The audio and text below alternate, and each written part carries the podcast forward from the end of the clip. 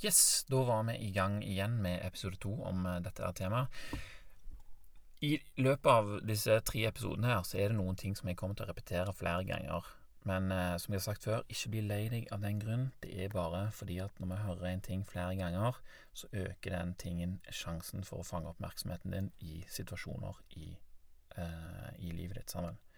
Eh, så ikke bli lei deg om det blir repetert. Bare tenk at hm, den informasjonen den er ekstra viktig. Så evolusjonær mismatch sant? det innebærer jo ofte for oss mennesker at vi har en kropp med diverse systemer som ikke er i stand til å utvikle seg like fort som hjernen vår er i stand til å utvikle omgivelsene våre. Hjernen sjøl, den henger med, med sin enorme kapasitet i neocortex og hjernebarken der, og det er den som har sørga for denne her eksponentielt raske endringen i omgivelsene. Den kan mye, og har en enorm kapasitet, men blir likevel gjerne forvirra av hvordan kroppen reagerer på tankene hans. Sammen. Kroppen er ikke i stand til å vite noe særlig om eh, hvor han er, eller hva som skjer, annet enn det hjernen forteller han gjennom utskilling av diverse kjemikalier som acetylkolin og dopamin og adrenalin osv. Det er mange situasjoner i det moderne daglige som potensielt kan trigge fight or flight-responsen hos oss mennesker, men som ikke nødvendigvis har noen ting som helst med faktisk overlevelse å gjøre. Vi har endra habitatet vårt drastisk siden vi levde på savannen gjennom pleostesin-tiden.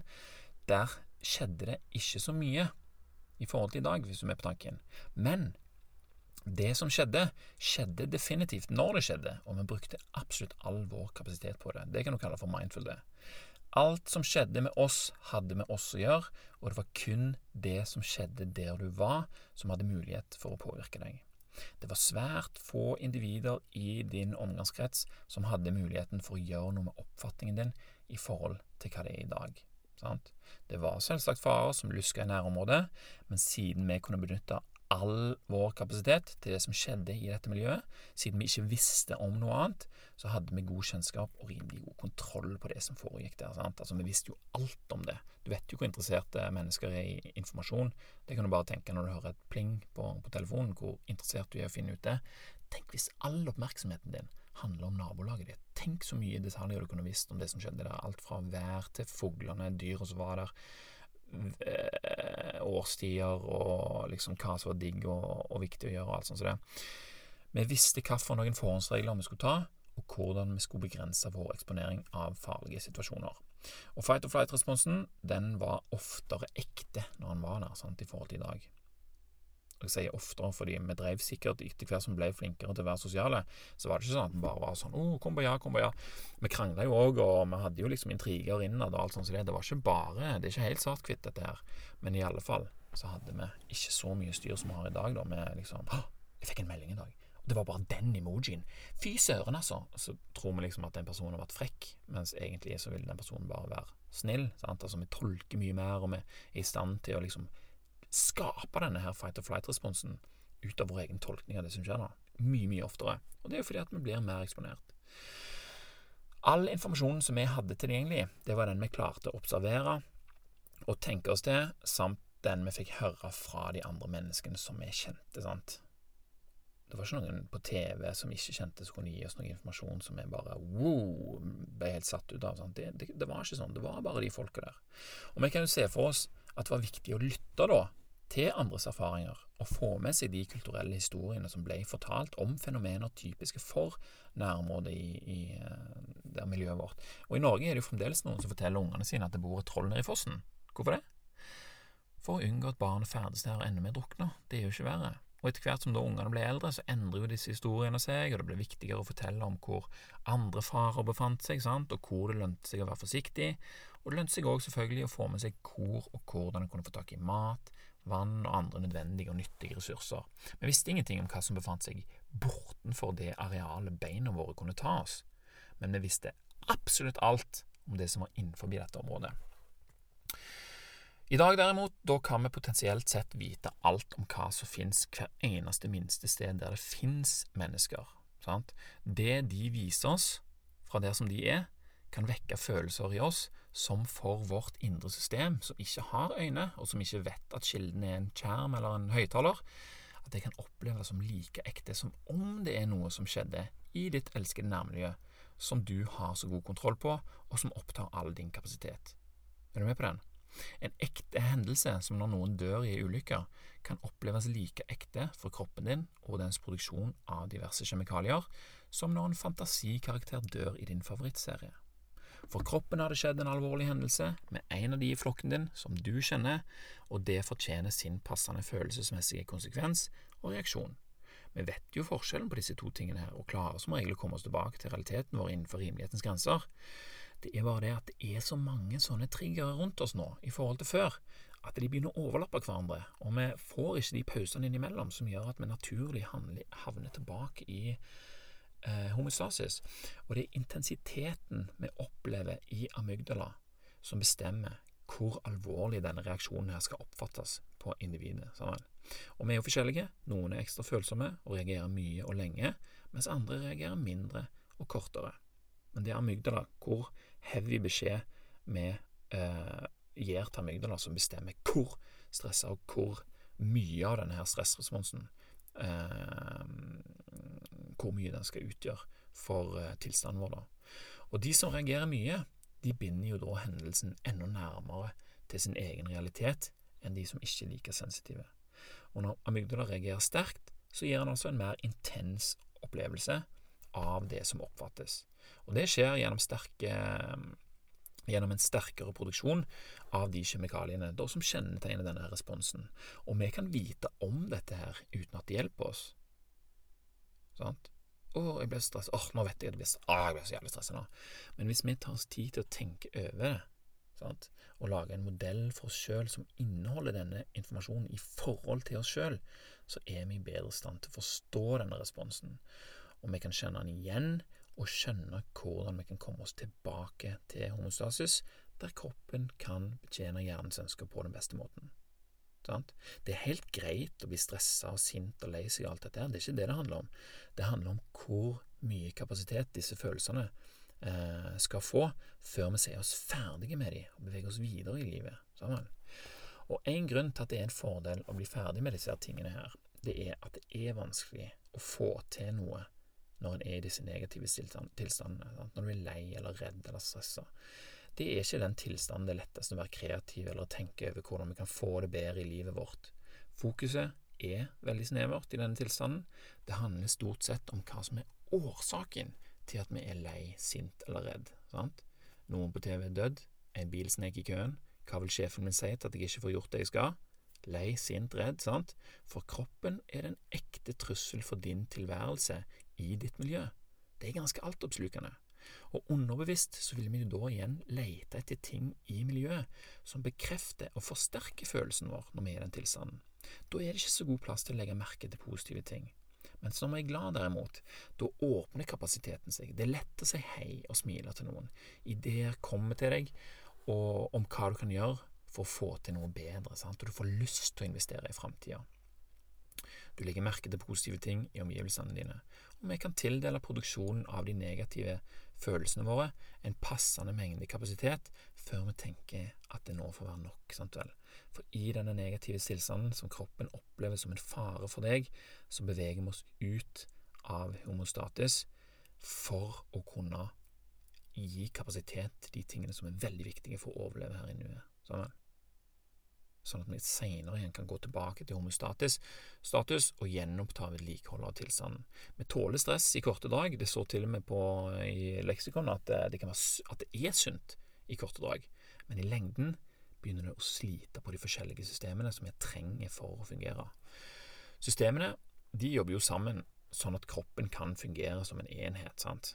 Og det vet jeg at du vet, men tenk litt over det, for det er noe annet enn å vite det. Hvis vi tenker 'oh shit', nå er jeg jo i denne tilstanden, nå begynner det systemet, og jeg kan ikke ha dette systemet ute og kjøre så lenge, for da begynner det å komme andre konsekvenser av det, sant? Andre Hva det heter eh, ah, Uansett, du vet hva jeg mener. Systemene, de jobber sammen. Du vet det, men tenk på det. En bil har òg systemer som jobber sammen, men hvis du kobler ut ett system, f.eks. kjølesystemet, da tar det jo ikke lang tid før hele motoren havarerer og da er hele funksjonen som bilen er meint for å utføre, borte.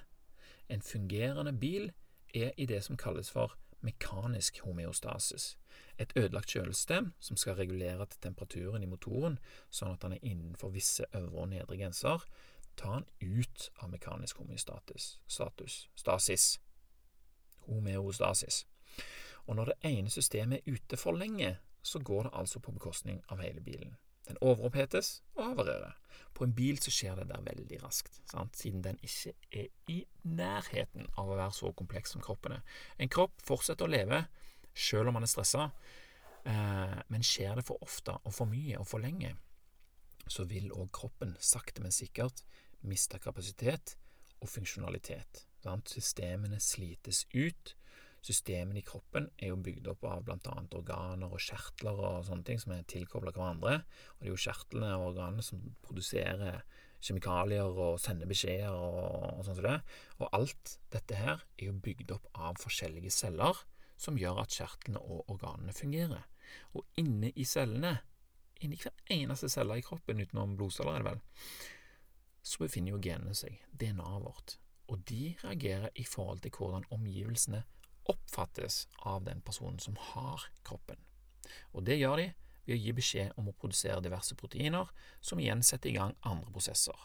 Organene, cellene og DNA-et sjøl, de ser jo ikke hva som skjer. De reagerer på signalene som personen som har cellene, sender de når den personen opplever noe i sine omgivelser. Og det er ikke det som skjer med personen DNA responderer på, det er hvordan personen oppfatter det som skjer. Og det er viktig å huske på. Derfor repeterer jeg det mange ganger. Vi mennesker vi har en sterk hjerne som kan overbevise kroppen om at det forekommer trusler hele tida, og at det aldri stopper. Kronisk stress kalles det, en tilstand der kroppen ikke klarer å komme tilbake i homostasis. Vi må tilbake i homostasis for at ikke stresset skal utvikle seg til plager som går ut over hele kroppen, akkurat som det lønner seg å fikse kjølesystemet i bilen før det fører til motorhavari. Er du stressa over tid, så får du kanskje høyt blodtrykk. Og det høye blodtrykket det kommer av kjemikaliene som blir produsert eller ikke produsert i kroppen. Og de blir jo produsert eller ikke produsert basert på din oppfattelse av hva som skjer rundt deg, og hva du gjør med kroppen din. Både høyt og lavt blodtrykk er ute av homostase. sant? Og da er jo selvfølgelig løsningen sånn at du noen medisiner og sånn som det kan komme inn igjen i homostasis for normalt eh, blodtrykk, sant. Men kanskje det kan være nok å, å, å, tenke, faktisk, og finne en måte å gå ut av stress på. Normalt blodtrykk, da er du i homeostasis. Feber, ute av homeostatus. Normal temperatur, da er du i homeostasis blodsukker, magesyre, ketose, melatonin og serotonin, og herregud, det finnes en hel drøss av systemer og hormoner og funksjoner som sørger for at hele kroppen er i homeostasis og kan fungere. Og Hvis du tror en bilmotor med olje, kjøling og drivstoff og pakninger og tannhjul er kompleks, så kan du bli svimmel av å lese om hvor komplekst dette her er i kroppene våre. Homeostasis er den gylne middelveien der systemene fungerer optimalt etter forholdene, og det du opplever og føler i negativ forstand, trigger det sympatiske nervesystemet som sørger for at du skal kunne overleve her og nå. Sant? Og For å komme tilbake i homostasis så må vi iverksette funksjonen som er styrt av det parasympatiske nervesystemet. Og vi tar ofte for gitt at det skal skje av seg sjøl, fordi at det, det, det, er det som er meninga, det, det er sånn det funker fra naturens side. Vi blir ferdig med det, Samuel. men i miljøet vi lever i, er det unormalt mange faktorer som kan trigge stress. Derfor kan det lønne seg opp å trene egenskapen å komme ut av stress opp til et nivå som matcher mengden strekt stressfaktorer som vi blir utsatt for i miljøet vårt. Sant? Blir vi mer utsatt for stress, vil det lønne seg å trene opp motparten, sånn at dette her balanserer seg ut. Og både stress og hvile er i utgangspunktet sant, ikke ting som vi styrer sjøl. Det er styrt av det autonome nervesystemet, som er auto, sant, det selv. Det, det fikser seg sjøl, det er det det betyr. Det skal skje automatisk i forhold til omgivelsene. For omgivelsene, det som skjedde i omgivelsene, hadde, ofte, hadde tidligere, når vi bodde på savannen i Pleocetin, så det, var det veldig tilsvarende. Sant? Det vi reagerte på, var det som skjedde. Sant? Sånn er det ikke lenger. Vi må finne ut hvordan vi kan jevne dette her ut. Og kan vi finne en kode som simulerer for DNA-et vårt at det er fred og fordragelighet på gang, så kan det jevne ut denne overeksponeringen av stresstriggere som vi blir utsatt for. Vi kan finne denne metoden, skape noe synapsogenesis, og så jobbe for å gjøre disse synapsekoblingene for aktiveringen av det parasympatiske nervesystemet til å bli mer robuste, nærmest like automatiske som de som aktiverer stressresponsen. Samuel. Og det kan hjelpe oss å få den komplekse kroppen vår til å tjene den komplekse hjernen vår i det komplekse miljøet vårt som vi har lagd for oss sjøl, på en mer nyttig måte enn om å overlate det til tilfeldighetene. Og For å vite hvordan vi kommer oss ut av stressresponsen, så er det jo nyttig å vite hvordan det er å være der, og hvordan det skjer. For først når vi kjenner igjen symptomene, så kan vi gjøre noe med dette. Helt, altså, det er jo da vi kjenner det igjen. Hvis vi da kjenner det igjen, så er det 'Å, nå er jeg stressa'. Vent litt. Grann. Da skal bare Sånn så gjør du den tingen som du vet funker, for å ta deg ut av det. Oppdag det. Gjør koden for å motvirke det. Så helt konkret så er det altså følgende som skjer når vi aktiverer fight or flight-responsen og blir stressa. Når en person opplever noe i sine oppgivelser eller i fantasien som oppfattes som noe truende, hva det enn måtte være, så er det amygdala, følelsessenteret i hjernen, som reagerer. Den trigger en respons i hypotalamus, som er liksom den overordnede senteret for det autonome nervesystemet og for hormonsystemet. Og det autonome nervesystemet styrer både det sympatiske nervesystemet, som iverksetter stressresponsen, og det parasympatiske nervesystemet, som tar kroppen tilbake i homostasis. Nesten samtidig som trusselen eller faren oppdages av amygdala, så aktiveres binyrene via det sympatiske nervesystemet, altså fight or flight-stresset, og begynner å frigjøre hormonet epinefrin og norepinefrin, som òg da er adrenalin eller noradrenalin. Jeg vet ikke hvorfor det er to navn på deg.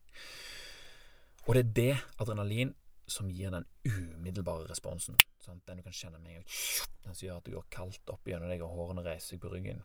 Responsen i hypotalamus den aktiverer hypofysen, som sitter like under dette. Finner jeg et kart over hjernen, så ser du disse tingene, hvor det er henne. Det kan hjelpe.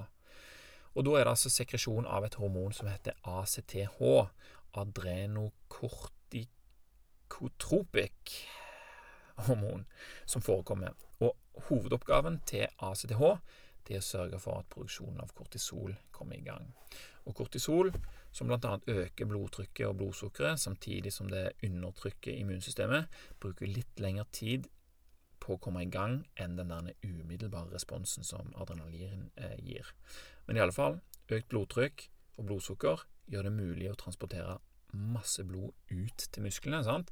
Blod som har høye verdier av glukose i seg, som gjør at musklene kan bruke mye energi med en gang. Sammen.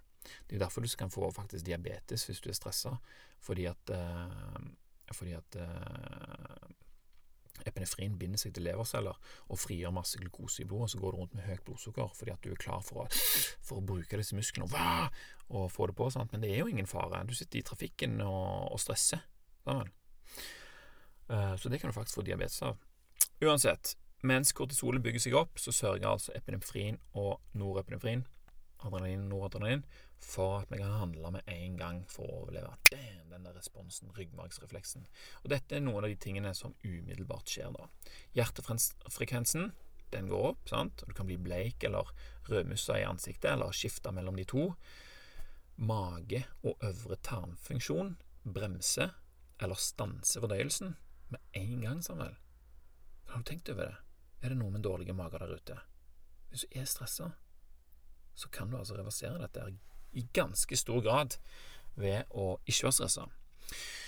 Innsnevring Og jeg sier ikke at dette er løsningen for alle. Så det, det finnes eh, mye større problemer enn dette her for, for dere som, eh, som, har virkelige mageproblemer.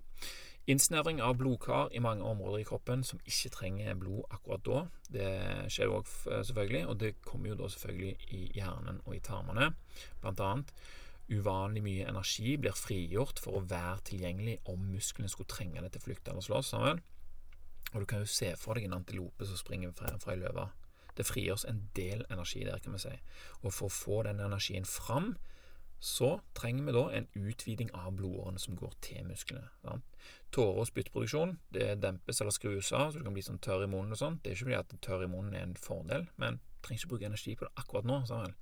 Kom oss vekk, så kan vi begynne å lage spytt igjen.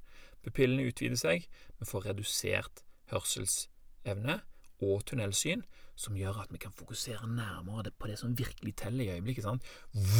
Det, det er sånn Det er sånn typisk ting som de prøver å vise på film. Sant? Når noe skjer sånn dritfarlig, så ser du bare Så forsvinner lyden din i bakgrunnen, og du får tunnelsyn, og så prøver du liksom å finne ut akkurat hva er det som er problemet, og hva kan jeg gjøre for å komme meg ut. Uh, og, på, og, på, toppen av det hele, da, så trenger vi jo økte ryggmargsreflekser som gjør oss i stand til å handle framfor å tenke og vurdere på hva vi skal gjøre. Så. Og alt dette her, masse blod og eh, i, eh, og masse energi i musklene sånn, kan jo føre til at vi begynner å skjelve eh, når vi er i denne tilstanden. Og så har du østrogen og testosteron som bidrar, kortisol slenger seg på etter hvert, sammen med dopamin og serotonin. Dopamin sørger for at en føler for at vi blir belønna for denne tilstanden, sant? for det skal jo selvfølgelig være herlig å overleve. Og sant? på kort sikt så er ikke dette usunt. Bang! Stressa lite grann, og så ferdig med det. God ting. Men når du ikke klarer å komme ut av det, så sliter systemene for mye. Det kan ikke være uten, uten tarmfunksjon, uten fordøyelse lenge, og uten immunsystem. Det sier seg sjøl. Uh, eh, en adrenalinjunkie han ville sette pris på denne her cocktailen og de tingene som skjer, men ikke den som er kronisk stressa. Han sliter av det. Sammen. Blod pumpes til armene, beina og kjeven, sånn at vi kan løpe og slåss. Og har du noensinne kjent at liksom Kjeven strammer seg når du blir ordentlig sint eller stressa. Det er jo blod som pumpes inn i området, sånn at du skal kunne bite fra deg, bokstavelig talt. Eh, og blodet det hentes jo da fra andre organer, som jeg sa, som ikke er viktige i denne situasjonen, blant annet hjernen. Og i denne situasjonen her så er det altså nok å reagere via ryggmargsrefleksen. Den evolusjonære funksjonen bak er at det er eh, ikke tid til å tenke. De som tenkte for mye, de er der ikke lenger Samtidig, de blir spist. Samtidig så vil jo òg blodet bli tjukkere, og denne koagulasjonsegenskapen øker for at vi skal unngå store blodtap ved eventuelle skader i forbindelse med denne her flukten eller kampen. da. Og mye av dette her ble jo selvsagt til lenge før vi ble noe som lignet på mennesker. Forløperne til disse reaksjonene kommer fra mye tidligere stadier, men sakte, men sikkert så er de altså blitt raffinert og tilpassa vårt behov i vårt miljø på savannen i pleistocene-tiden. Sant? Og bildet vi kan danne oss av hvor denne funksjonen kommer fra, og hva den har sørget for, det er den som er nyttig for oss å vite, og som gjør det lettere å bruke fornuften vår til å skjønne hva som skjer, istedenfor at vi bare reagerer. Og Det var det fysiske, sant? men vi vet òg at det, det, psykiske og emosjonelle påvirkes av denne tilstanden. her. Ryggmargsrefleksen gjør det vanskelig å regulere følelsene våre. Vi reagerer mer, eh, og det gjør vi òg emosjonelt. Eh, vi kan bli sinte, for eksempel. Fokuset vårt smalner, og vi søker etter hva det er som kan være årsaken til denne tilstanden her, sant? når vi blir redde. Se for deg at du er alene i skogen midt på natta, milevis av folk, eller kanskje nok at det er 150 meter, hvis du spør kona mi. Men eh, se for deg at du hører en lyd som du ikke kan identifisere.